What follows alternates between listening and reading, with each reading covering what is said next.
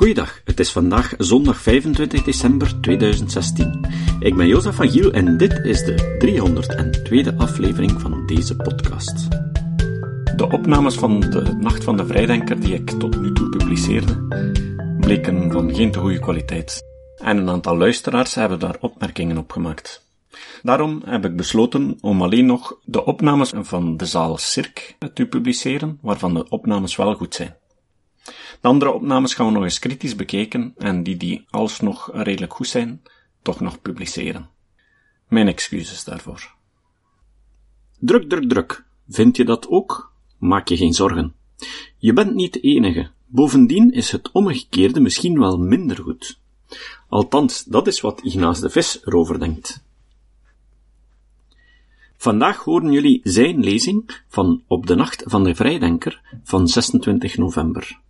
Hij gaf er een pleidooi voor een rusteloos leven. Terwijl we klagen over de drukte, de gejaagdheid en burn-out, plannen we onze weekends vol met activiteiten. Kortom, we slagen er niet in om niets te doen. Rusteloze wezens als we zijn, willen we begrijpen waarom wij vandaag worstelen met een gebrek aan tijd, dan moeten we beseffen dat het zoeken naar meer evenwicht in ons drukke leven nooit de oplossing kan zijn, maar eerder een deel van het probleem. Eerder dan rusteloos als de grote boosdoener aan te duiden, vraagt filosoof Ignace de Vis zich af welke positieve aspecten er aan rusteloosheid verbonden zijn.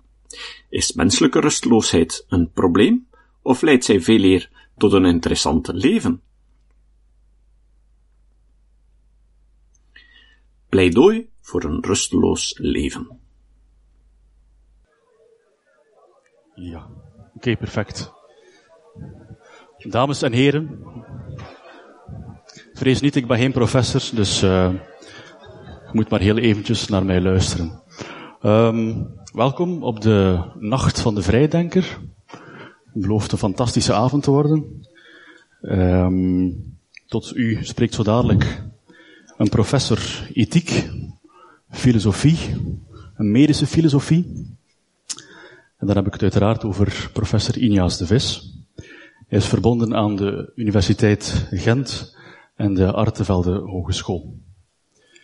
In 2013, heb ik gelezen op internet, verblijde hij ons met kritische essays over medicalisering. Maar vandaag wil hij jullie allemaal meenemen in zijn pleidooi voor een mateloos leven.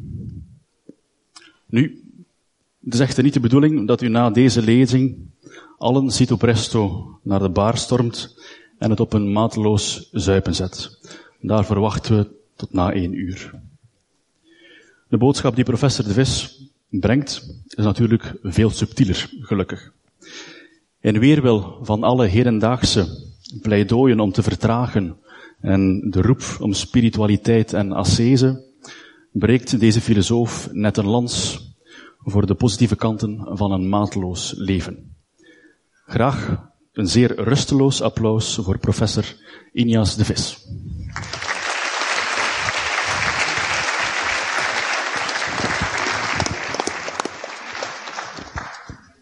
Goedenavond.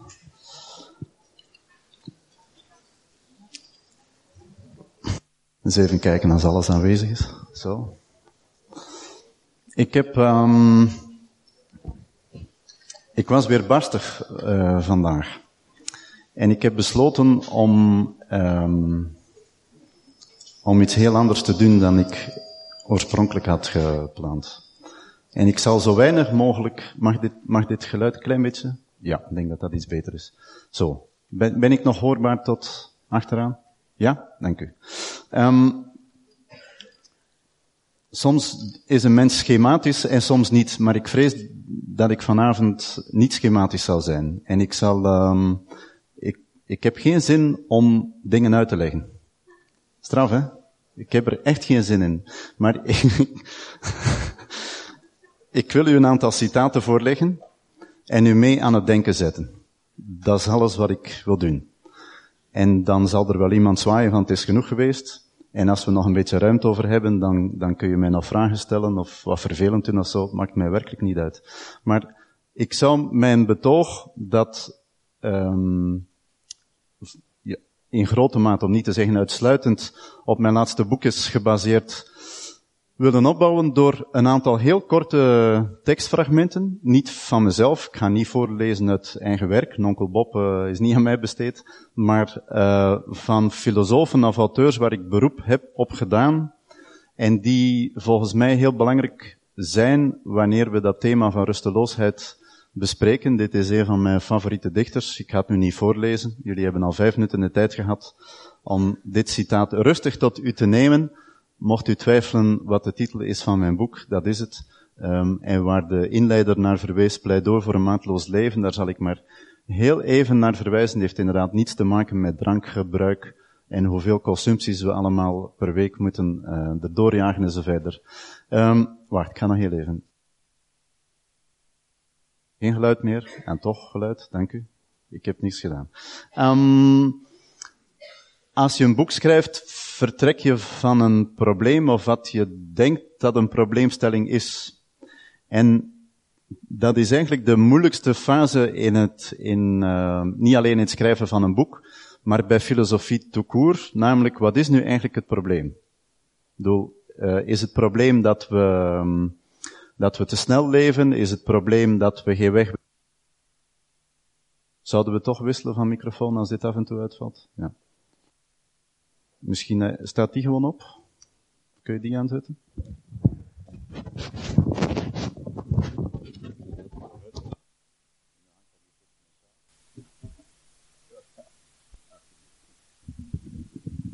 Ik ga nu eerst mijn sjaal terugdichten. Man, jongen. Praktische toestanden. En nu moet het iets luider, iets luider, iets luider. Dan denk ik dat we er nu terug zijn. Dank u wel. Um, de, de moeilijkheid van filosofie of van nadenken te koer is, wat is het probleem? Hoe, hoe, um, niet alleen hoe formuleer je de probleemstelling, maar wat is nu eigenlijk de grond van de zaak? En er is de laatste jaren onwaarschijnlijk veel um, gepubliceerd, onwaarschijnlijk veel geschreven over het feit dat we te snel zouden leven, dat we te jachtig zijn, dat we opgejaagd zijn, dat we rusteloos zijn, of dat we onrustig zijn. En um, daar heb ik mij dus in verdiept en mij vooral heel lang bezig gehouden met de cruciale vraag, wat is nu eigenlijk de probleemstelling? Waar moeten we van vertrekken? Moeten we vertrekken van de idee van we, we leiden geen leven meer in evenwicht? Of moeten we vertrekken van die idee van er jaagt ons iets vooruit, genaamd uh, uh, uh, passie, drive, hoe je het ook omschrijft. En misschien is dat zelfs niet eens zo'n slechte aangelegenheid. En ik ga daar proberen een aantal citaten tussen te verweven. En ik begin, ik heb niet alleen filosofische traktaten daartoe gelezen, dit vond ik een heel interessante, um, ja, moet ik het zeggen, anekdote. Het is van een forum van een niet nader genoemd, mag geen reclame maken, uh, niet nader genoemd Nederlands vrouwenmagazine. Dus ik wil niet u mijn toiletlectuur aanbevelen. Maar ik vond dit uh, interessant, um, want waar gaat het over? Iemand schrijft van, kijk, dat onrustig gevoel van binnen. Vond ik wel interessant eigenlijk. Nu, het is nogal melodramatisch ge, gesteld. Um, maar het is duidelijk dat zoals hier het thema is geformuleerd, wordt het als een probleem beschouwd. Onrust. Nu, ik gebruik de term rusteloosheid, maar zwart, daar kunnen we nog over discussiëren. Maar iemand klaagt hier van, kijk, ik kom niet meer tot rust. En dat is een probleem. Ik zou er eigenlijk willen van afraken, maar het lukt mij niet. Ik slaag er niet in.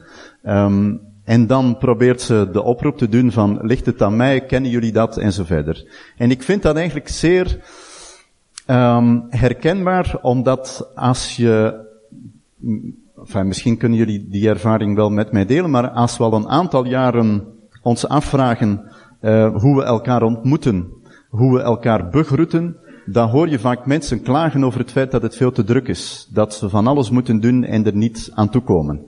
En ik heb mij toen de, de diep filosofische vraag gesteld, wat zou dan inderdaad de grond van het probleem zijn? En ik ben bij het woordje rusteloosheid uitgekomen. En ik ben uiteraard niet de eerste die over dat woordje heeft geschreven. Een van de, van de ja, wereldwijd bekendste eh, dichters, Fernando Pessoa, um, heeft daar een fantastisch citaat eigenlijk over in het boek Der Rusteloosheid. En ik vind dat echt zonder overdrijven een onwaarschijnlijk diepzinnige gedachte. Wat hij zegt van kijk, geen enkel probleem is oplosbaar.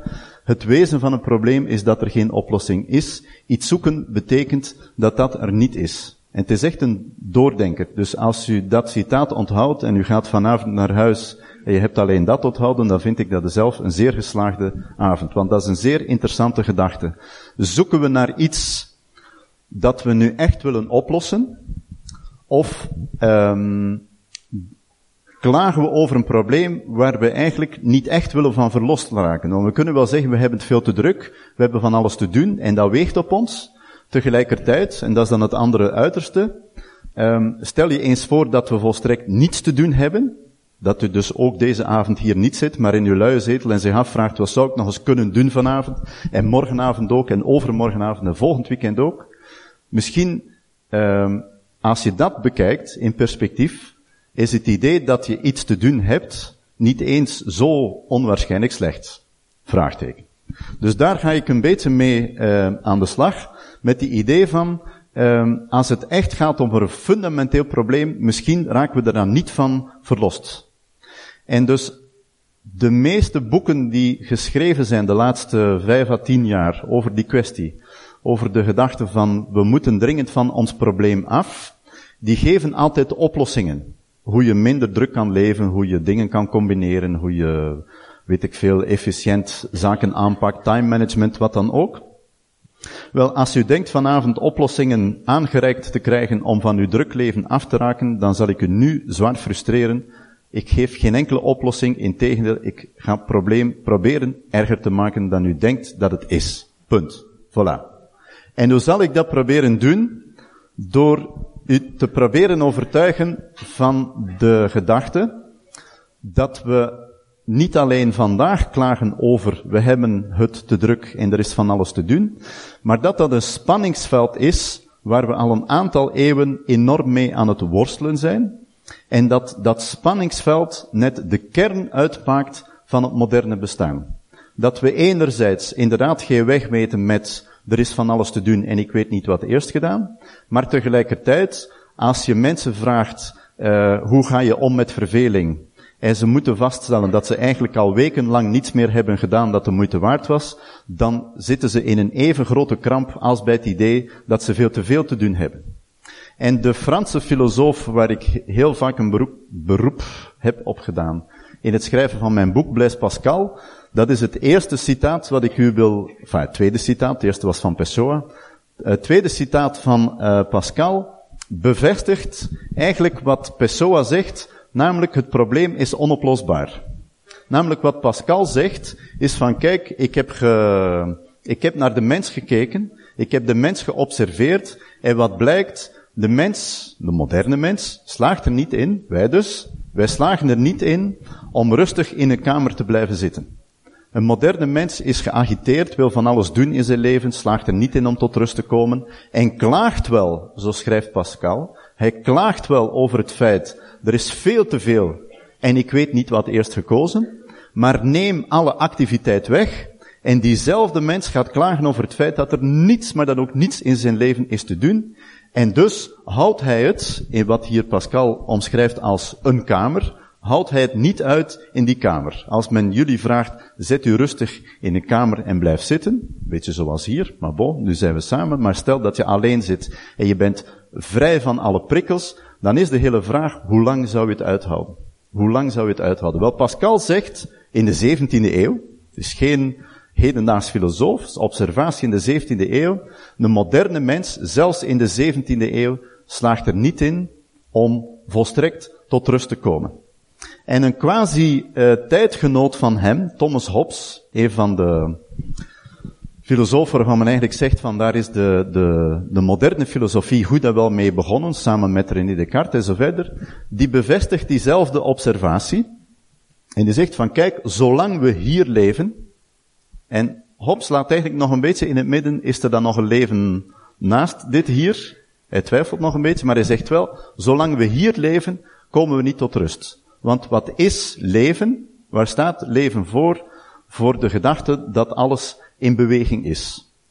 Uh, dat alles met een enorme dynamiek vooruit gaat. Dus zegt van kijk, er bestaat niet zoiets als een eeuwige gemoedsrust. Het leven zelf is niets anders dan beweging. En het kan even weinig bestaan zonder begeerte of vrees als zonder gewaarwordingen. Dus wat Hobbes hier eigenlijk aangeeft is, kijk, zodra je als mens um, leeft, zolang je, of zodra liever, je verlangend in het wezen, in het leven staat en je van alles wil bereiken, je wil iets doen met je leven, je wil ergens raken, je wil ergens naar streven, je wil een studie behalen, je wil, uh, weet ik veel welke hobby uitoefenen, maakt niet uit. Maar zodra je in het leven staat, wil je ergens naartoe. En het is heel moeilijk om die bewegelijkheid te stoppen. En zelfs meer, het is datgene wat het leven uitmaakt. Want wat Hobbes ook in diezelfde context aangeeft van, de volstrekte gemoedsrust, dat is datgene wat we in de dood bereiken. Dan houdt het leven op. Dan stopt het verlangen, dan is er niets meer. En dan kunnen we inderdaad zeggen, en nu komen we tot rust. Maar zegt hij, zodra we, en zolang we ook over leven spreken, dan spreken we over bewegelijkheid, over niet tot rust komen. Dus die drie citaten tot nu toe, merk, ik ben toch een klein beetje aan het uitleggen, ondanks mezelf, maar die drie citaten tot nu toe bevestigen de hypothese, we slagen er niet in om iets dat eigenlijk vanuit onszelf komt, namelijk een, een, een of andere drive om in het leven te staan en ergens naartoe te willen gaan, we slagen er niet in om dat tot rust te brengen. Nu, ik plaats die enkele citaten in contrast met wat we eigenlijk, wat ik al ja, voor een stukje heb aangegeven, maar wat we eigenlijk de, de laatste jaren voortdurend hebben gemerkt, um, en waar je eigenlijk moeite moet voor doen om een magazine open te slaan waar het er niet over gaat, namelijk dat, het, dat de tijd veel te snel gaat, dat er van alles uh, te doen is en dat we dringend langzamer aan moeten leven. En het aantal boeken dat daarover is geschreven, dat is bijna niet meer bij te houden. Een van de bekendste, die hier uh, onderaan ook op de slide is vermeld, Stil de Tijd van uh, Joke Hermsen. Uh, maar dat is maar één van de vele boeken die over dat thema um, is um, verschenen. En dat eigenlijk voortdurend datzelfde punt herhaalt, namelijk, er is iets in onze tijd en onze tijd alleen waardoor we te veel doen. En als we daar niet dringend mee ophouden, dan loopt het hopeloos verkeerd af. En wat moeten we dus doen? Dringend langzamer gaan leven. Nu, er is natuurlijk iets voor die stelling te zeggen. Ik bedoel, ik ga die stelling vooral niet banaliseren. Ik denk, als je kijkt naar het aantal mensen dat um, worstelt met inderdaad een overmatig druk leven, met burn-out, met depressie, met slapeloosheid en zo verder, dan hebben we daar een maatschappelijk probleem. Zoveel is duidelijk. Maar de hele vraag is, hoe diep zit dat probleem? Is dat iets van onze tijd alleen? Of is dat iets dat al eeuwenlang aan de gang is? En waar we eigenlijk tegelijkertijd altijd van gezegd hebben, we moeten er dringend vanaf. En daarna toch moeten constateren hebben dat we 50 jaar later nog sneller aan het leven zijn gegaan, nog harder hebben gewerkt en tegelijkertijd weer aan het klagen waren dat het veel te druk was. Wel nu, um, wat ik in mijn boek heb uh, proberen te doen, is eigenlijk die, um, die analyse dat het alleen van onze tijd is, um, tegenspreken. Tegenspreken in die zin dat ik voor een groot stuk een, zeg maar historisch, uh, filosofisch onderzoek heb gedaan naar de vraag, dat is op zich een eenvoudige vraag, hoe lang zijn we nu eigenlijk al aan het klagen over het feit dat het te druk is? want wij denken het is iets van onze tijd alleen. He, dus op de laatste 10, 20 jaar of, of desnoods 30 of 40 jaar. Maar hoe lang zijn we eigenlijk al aan het klagen? Wel, ik zou bijna zeggen troost u, maar we zijn al eeuwenlang bezig. We zijn al eeuwenlang bezig. Ik heb citaten gevonden vanaf de 14e eeuw, waar mensen, ah kijk, nu gaat de verwarming aan. Dus voortaan luistert u naar de verwarming en niet meer naar mij. maar vanaf de 14e eeuw, dus als je een klein beetje, dank u, Oh, kijk, we hebben een... Oh, inderdaad. Wel, rusteloosheid, jongens, come on. Dus, that's it. Nog iets, beetje muziek of zo. Dat we, um, vanaf, ik probeer er boven te praten. Vanaf de 14e eeuw merk je in de, in de westerse samenleving vooral, dat er heel veel is geklaagd over er is van alles te doen. Um, de, we, we werken te hard. We zouden eigenlijk rustiger willen leven, maar we slagen er niet in. We slagen er niet in. En we slagen er niet in, heeft te maken met dat andere thema, want ik probeer echt, wat Pascal ook voor een groot stuk doet, uh, twee thema's tegenover elkaar te plaatsen. Enerzijds de drukte, we hebben van alles te doen, en anderzijds de verveling. Verveling als zijnde ook een heel belangrijk thema in onze maatschappij, namelijk als we nu spreken over echte verveling, en dat is dan niet dat uurtje per week dat je zegt, goh, leuk om niks te doen, ik vind dat ook fantastisch, maar je echt vervelen. Dus niets van perspectief meer in je leven hebben. Geen, geen uitzicht meer op wat dan ook, geen hobby's, geen vrienden, geen prikkels, geen carrière, nul. Wel nu, de hele moderne maatschappij is getekend door dat spanningsveld, waarbij we worstelen met die twee um, polen, als het ware. Als het veel te druk is, verlangen we naar een onbewoond eiland. Dat is logisch. Want ja, het is veel te druk. En als we twee dagen op dat onbewoond eiland zitten, dan vragen we ons af, is hier wel niets te doen. Wat zou ik eens kunnen doen? Wel nu, dat spanningsveld. Daar gaat het om. En um, ik heb geprobeerd, als ik zei van, ik zal het, uh, ik zal het probleem niet oplossen, ik zal het misschien nog erger maken, uh, dan was uh, mijn uitspraak zo gemotiveerd dat ik het niet kan oplossen wat niet op te lossen valt. Namelijk als we vaststellen dat we al eeuwenlang worstelen met zowel het idee dat we weglopen van de verveling, als met het idee dat het veel te druk is en we minder moeten doen, dan zou het nogal merkwaardig zijn dat we dat plots met een aantal suggesties in een of ander doe-het-zelf boekje helemaal zouden kunnen oplossen. Uh, in die gedachte wou ik zeker niet meegaan. En ik heb geprobeerd om um, een schets te maken. Ik ga uiteraard niet al die um, processen hier uh, tot in detail kunnen met jullie doornemen, maar ik heb geprobeerd om een schets te maken van een, minstens een drietal grote processen die mee die, uh, die gedachte van drukte hebben veroorzaakt. En ook, het is soms, dat is een van de vele vragen, hebben we nu het idee dat het drukker is, of is het drukker? Hè? Dat is ook een heel debat van. Een bejaarde die, die s ochtends naar de kapper moet, hij is namiddags nog uh, zijn brood moet ophalen, denkt ook, amai, het was nogal druk vandaag. Maar de vraag is, is dat dan perceptie of heb je het dan echt druk? Um, maar ik denk dat er wel degelijk een enorme evolutie is richting, ja, ik ging van mijn water drinken, ik heb dat weggezet, ik ga het eruit doen. Hm.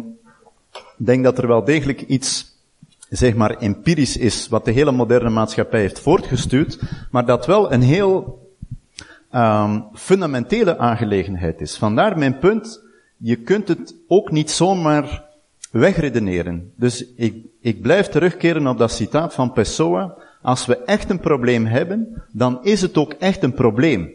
En dan kun je het echt niet zomaar oplossen. En het staat jullie vrij om allerlei doe-het-zelf boekjes te lezen en te denken dat je er dan vanaf bent. Maar de markt wordt overspoeld met dat soort van zaken nu al zoveel uh, jaren lang. En dan kun je de vraag stellen, als het zo eenvoudig was, waarom zijn we er dan niet vanaf? Hè? Dus wat ik heb geprobeerd is die drie processen, versnelling, secularisering en individualisering, voor een stuk te schetsen als zijnde een soort van uh, hoe moet ik het noemen, katalysatoren van wat we vandaag kennen, de idee, de gedachte, het feit dat we inderdaad in een vrij jachtig, een vrij druk leven uh, ons bevinden.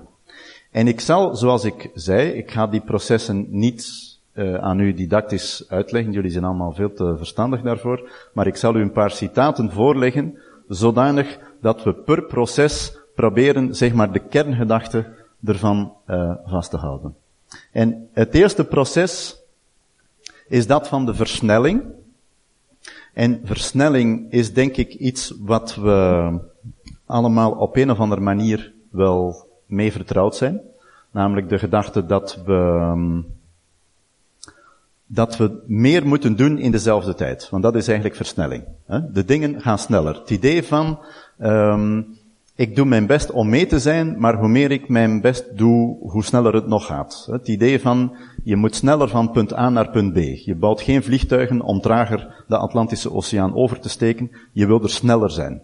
Uh, wij hebben computers om sneller te werken. We hebben allerlei technologie dat ons in staat helpt om sneller dingen te doen. Nu, De grond van dat hele gebeuren heeft natuurlijk alles te maken met de wijze waarop de economie en bij uitbreiding de hele maatschappij door één uh, belangrijke gedachte is voortgedreven. En ik denk dat de meesten onder ons die gedachte wel kennen. Time is money. Tijd is geld. Nu, dat is een, een hoe moet ik zeggen, um, een gedachte die enorm veel consequenties heeft voor de manier waarop we ons leven leiden. Want ik ben dus, dus het oorspronkelijke citaat gaan opzoeken. Dus Benjamin Franklin, de man waar het citaat van komt, die legt uit aan een jonge ehm, zakenman, hij, hij is die aan het opleiden, en hij legt uit aan de jonge kerel van, ik zal u eens, ik zal eens uitleggen hoe de economie werkt. En hoe werkt de economie? Wel zegt hij, kijk, als je niets doet, als je gewoon niets doet en je geeft nog een beetje je geld uit, zoals jullie, komt hier avond een beetje op je gat zitten en nog een beetje geld spenderen en drinken enzovoort, wel, dan ben je twee keer je geld kwijt. Zo legt Benjamin Franklin uit. Eén, je hebt je geld uitgegeven, dat is nogal duidelijk. Maar twee, je hebt ondertussen geen geld bijgewonnen, want je bent niet aan het werk.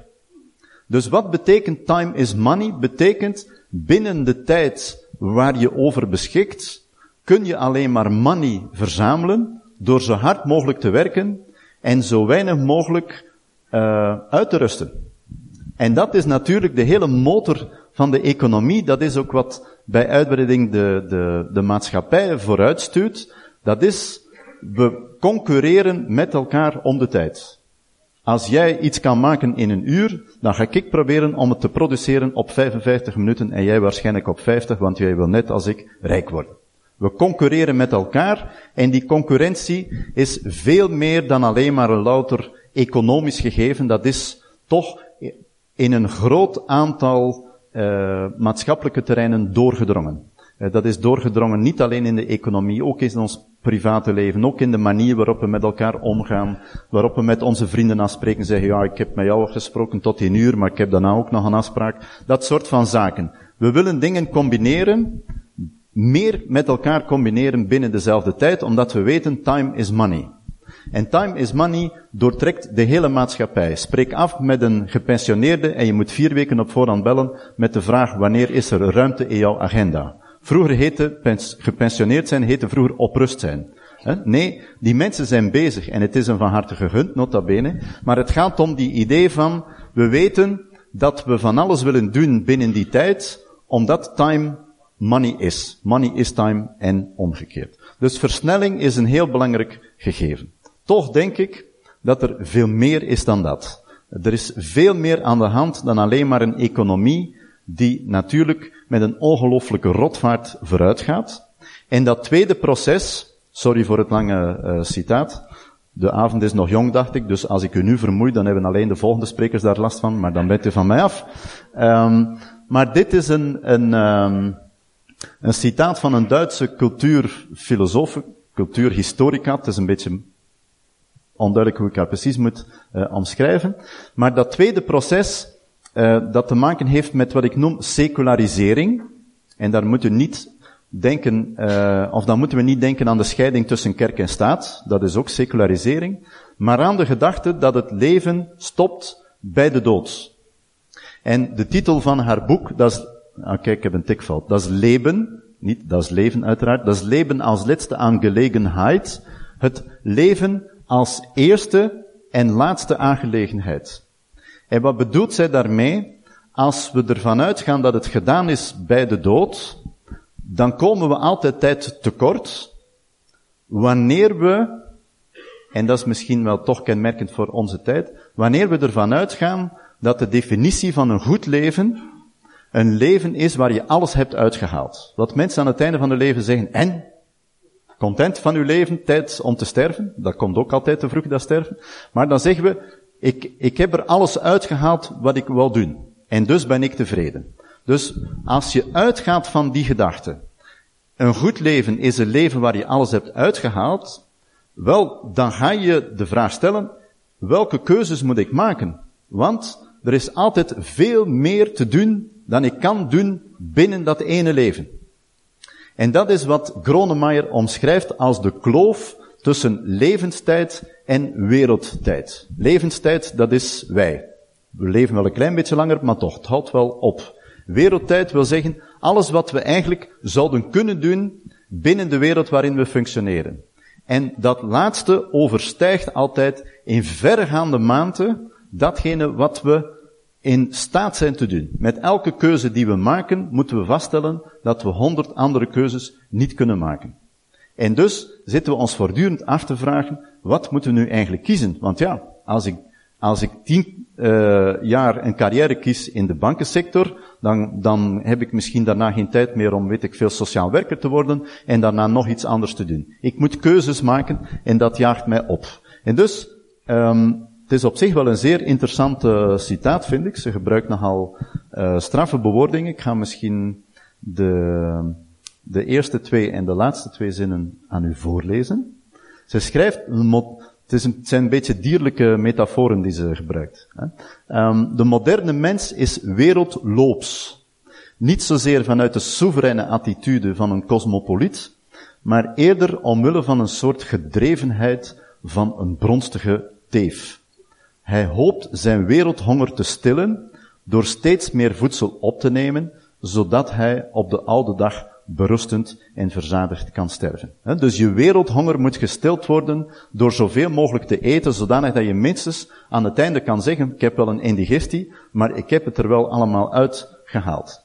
Maar dan steekt ze tegelijkertijd voor een stuk de draak mee, want dan zegt ze van, kijk, onze betrachting om door middel van versnelling de kloof te dichten, tussen levenstijd en wereldmogelijkheden, dus die wereldtijd, die is nog uitzichtlozer dan de hond die jaagt op de onbereikbare worst. Dus de worst die als een stokje voor de hond wordt gehouden, uh, en, en hoe sneller de hond loopt, hoe, hoe sneller de worst ook vooruit gaat. Het idee van, ik heb hem bijna, of bijna een hond die zijn staart probeert te nemen en denkt, ik ga nog rapper lopen.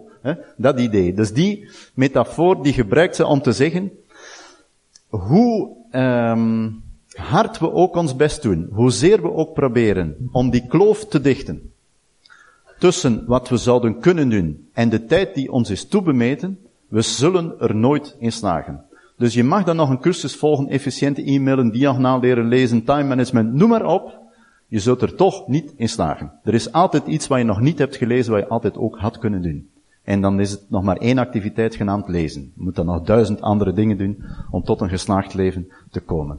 Dus dat tweede proces, dat is een heel belangrijk gegeven, de gedachte van, als het leven eindig is, dan komen we chronisch tijd tekort. De dood komt altijd te vroeg. Want er is nog altijd van alles te doen en we moeten zware keuzes maken en net daarin raken we verstrikt, om het zo te zeggen. En dan is er nog een, een, uh, een derde proces. En het derde proces, dat zal ik proberen uitleggen door een paar citaten van Peter Sloterdijk aan u voor te leggen. Dus het derde proces, dat van individualisering. En met individualisering bedoel ik niet, dat is geen scheldwoord voor mij, is geen, geen definitie van egoïsme of zo, maar het strikte gegeven om met onszelf bezig te zijn. En ik denk, als er één kenmerk is van onze maatschappij, dan is het wel dat, we willen ergens voor staan. We willen als persoon een bepaalde identiteit opbouwen. Nu, ook dat kost tijd. Want met jezelf bezig zijn, dat betekent ook nadenken over niet alleen uh, gewoon ik leid mijn leven zoals het is, maar wel vanuit de vraag, en welk leven zou ik willen leiden? Waar wil ik naartoe? Waar wil ik als persoon voor staan? En Peter Sloterdijk, Duits filosoof, auteur van menig redelijk ontoegankelijk werk, maar daar bespaar ik u uh, nu van. Du musst dein Leben ändern. Je moet je leven veranderen. Dat is een zeer interessant boek, ondanks een aantal inderdaad ontoegankelijke passages, maar wat. Um, ik heb daar een drietal korte um, ja, zinnetjes uitgenomen, die in, in een logische volgorde staan tegenover uh, elkaar. Hij heeft het over de overgang van de feodale maatschappij naar de moderne maatschappij. Hij heeft het over de, uh, de figuur van de asceet, typisch voor de feodale maatschappij, de religieuze asceet, die zich vooral wil bekwamen in het zoveel mogelijk gericht zijn op God, en die dus met zijn innerlijk bezig is. Wel, Sloterdijk zegt, die innerlijkheid van de asceet, die is in de moderne samenleving omgeslagen in een soort van uiterlijkheid. Een uiterlijkheid van een mens die wil tonen als persoon, als individu, waar hij of zij voor staat. Je wil iemand zijn. Je wilt niet zomaar een soort van grijze muis zijn. Je wilt niet zomaar nergens voor staan. Je wil als persoon op een bepaalde identiteit kunnen uh, terugvallen. En dan schrijft hij, dat is het tweede uh, citaat, het performatieve van ons bestaan. Daarmee bedoelt hij, we zijn de hele tijd um, aan het handelen, we zijn de hele tijd bezig. Het performatieve van ons bestaan toont zich in het feit dat we hebben geleerd onszelf ontevreden te maken met de status quo. Vond dat geen zo grappig citaat, maar bon, die mensen buiten wel. Um, onszelf afgeleerd om ontevreden te zijn met de status quo. Vind dat een onnoemelijk interessante gedachte. Want we kennen dat allemaal, we zeggen wel eens tegen elkaar, stilstaan is achteruitgaan. Dat is zo een van die clichés, als ze niet meer weten wat je zegt, uh, stilstaan is achteruitgaan, of het een is het een en het ander is het ander. Dat soort van uh, avondvullende, diepzinnige, pseudo-diepzinnige gedachten. Wel, wat Sloterdijk aangeeft, is zegt, kijk, de hele moderne maatschappij die is inderdaad gevuld met individuen die iets van hun leven willen maken, die vooral niet het verwijt willen krijgen dat ze stilstaan in hun leven. Dat ze niet zichzelf hebben ontplooid, dat ze zijn, uh, ze, ze, ze, zijn doorgegroeid, ze hebben van hun mogelijkheden gebruik gemaakt. Ze, ze staan niet stil in hun relatie, niet als persoon, niet in hun leven, niet in hun job en zo verder. En als je eens nagaat op hoeveel terreinen die gedachte sterk aanwezig is. Als mensen veranderen van job, dan is het van ja, ik zat aan mijn plafond, ik kon niet meer doorgroeien. Dus die gedachte zegt Sloterdijk, is onwaarschijnlijk sterk doordrongen uh, in onze maatschappij en heeft te maken met als persoon, als individu, wil ik en moet ik wel ergens uh, voor staan. En hij noemt dat dan dat is dan een, uh, een iets wat meer lyrische omschrijving. Dat is het derde citaat. Uh, zodra het ik een reflexief project wordt, ik ga dat proberen uitleggen. Zodra het ik een reflexief project wordt, staan beweging en verandering centraal en wordt identiteit een soort werkplaats. Een NV-ik. Dus met reflexief project bedoelt hij, um, wij leiden ons leven niet vanuit de gedachte, we ondergaan ons lot. Van kijk, bij zo geboren, ik zal zo doodgaan, voilà, dat is een eenmaal. We, we kijken naar onszelf vanuit de reflectie, letterlijk, wat zouden we nu willen aanvangen met ons leven? Waar wil ik voor staan? Wat wil ik doen? Ik wil en een fantastische job, en een geweldige relatie, en een exotische wereldreis per jaar, misschien zelfs twee, en ik wil de Mont Ventoux beklimmen, en ik wil enzovoort. Dat is reflectie over je eigen lot, maar dat betekent, zegt Sloterdijk, dat de hele gedachte van je persoonlijkheid, van je individualiteit, een soort van naamloze vennootschap is geworden waar we heel veel mee bezig zijn. En misschien is dat wel het grote onderscheid met een aantal generaties terug. Niet alleen met het feit dat het leven drukker is geworden, maar ook met het feit dat wij denken dat we met onszelf moeten bezig zijn. Onze grootouders waren zich niet de vraag aan het stellen op vrijdagavond of op zaterdagavond, en hoe zouden we ons nu moeten ontspannen? Welk wellnessweekend staat hier voor de deur? Daar waren zij niet mee bezig. En begrijp me niet verkeerd, ik heb volstrekt geen heimwee naar dat leven. Ik wil alleen maar duidelijk maken, dit is de wijze waarop wij leven, en dat maakt mee uit dat drukte veel meer is dan zomaar een oppervlakkig fenomeen. Dat je niet zomaar wegfiltert door te zeggen, ik leg die smartphone een uur per dag aan de kant. Wel, dan zullen we wel iets anders vinden om ons ergens in te verliezen. Bij wijze van niet alleen bij wijze van spreken, gewoon letterlijk om ons in te verliezen. Voilà. Um, ik moet nu ook sneller beginnen spreken, want mijn tijd raakt op. Of hebben jullie nu al vragen? Anders stop ik gewoon als je nog vragen wil stellen. Maar ik wil nog een conclusie maken. Mag ik nog één? En dan vragen stellen. En dan gaan we de tijd overschrijden, dan ga je nerveus worden en denk de volgende spreker. Nee? Oké. Okay. Snel mijn conclusie. Um,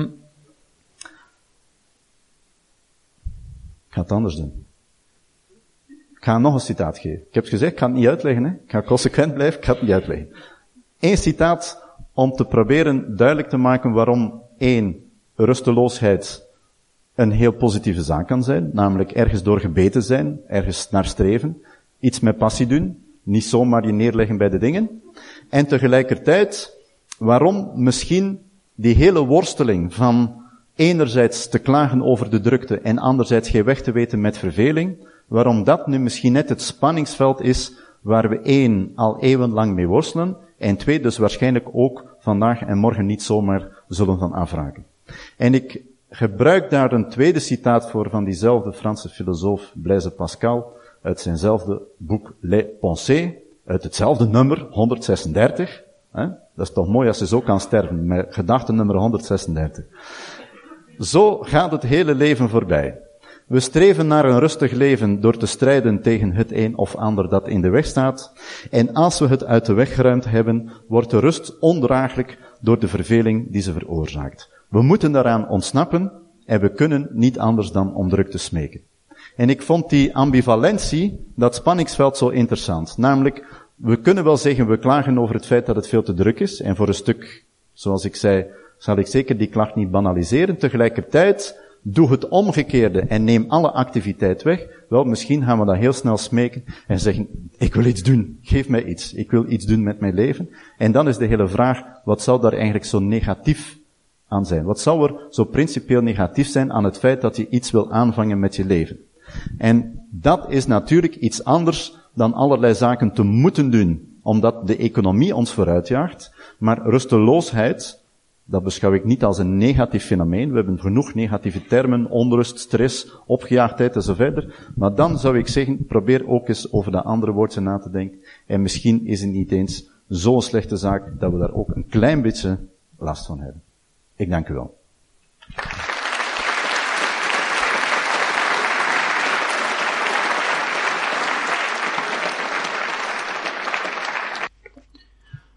Het citaat. Het citaat van vandaag komt van Richard Feynman. Ik vind het leuk gevonden, maar als je ondertussen weet dat hij een rokkenjager was en zich waarschijnlijk regelmatig bezondigde aan ongeoorloofde seksuele intimiteiten, dan proeft dit citaat toch een beetje wrang. Toch blijft het een mooi citaat. Feynman zei: Fysica is zoals seks. Natuurlijk kan het soms wat praktische resultaten opleveren, maar dat is niet de reden waarom we het doen. Tot de volgende keer. Deze podcast is het resultaat van het werk van veel mensen. Rick de Laat verbetert bijna al mijn teksten en maakt de meeste vertalingen. Emiel Dingemans verzorgt onze website en Facebookpagina. Ook Leon Korteweg en Stefan Sutens schrijven, vertalen of verbeteren soms artikelen. Leon onderhoudt bovendien het YouTube-kanaal van deze podcast. De muziek van de intro en de trailer heeft Nick Lucassen geschreven, en soms maken we ook gebruik van muziek van Ad van Nederpelt, die ons zijn prachtige composities ter beschikking stelt. Dit was de podcast Kritisch Denken. Vergeet niet om alles kritisch te behandelen, ook deze podcast. Voor verdere informatie over deze podcast, links en voor de tekst, surf naar www.kritischdenken.info. Als je deze podcast belangrijk vindt, kun je me steunen door anderen warm te maken ook eens te luisteren. Stuur een e-mail naar vrienden met een link naar de website en plaats de link in de handtekening van je e-mails. Tevens kun je op iTunes deze podcast een beoordeling geven of een recensie schrijven. Of je kan op je eigen website of blog een link naar kritisch denken plaatsen.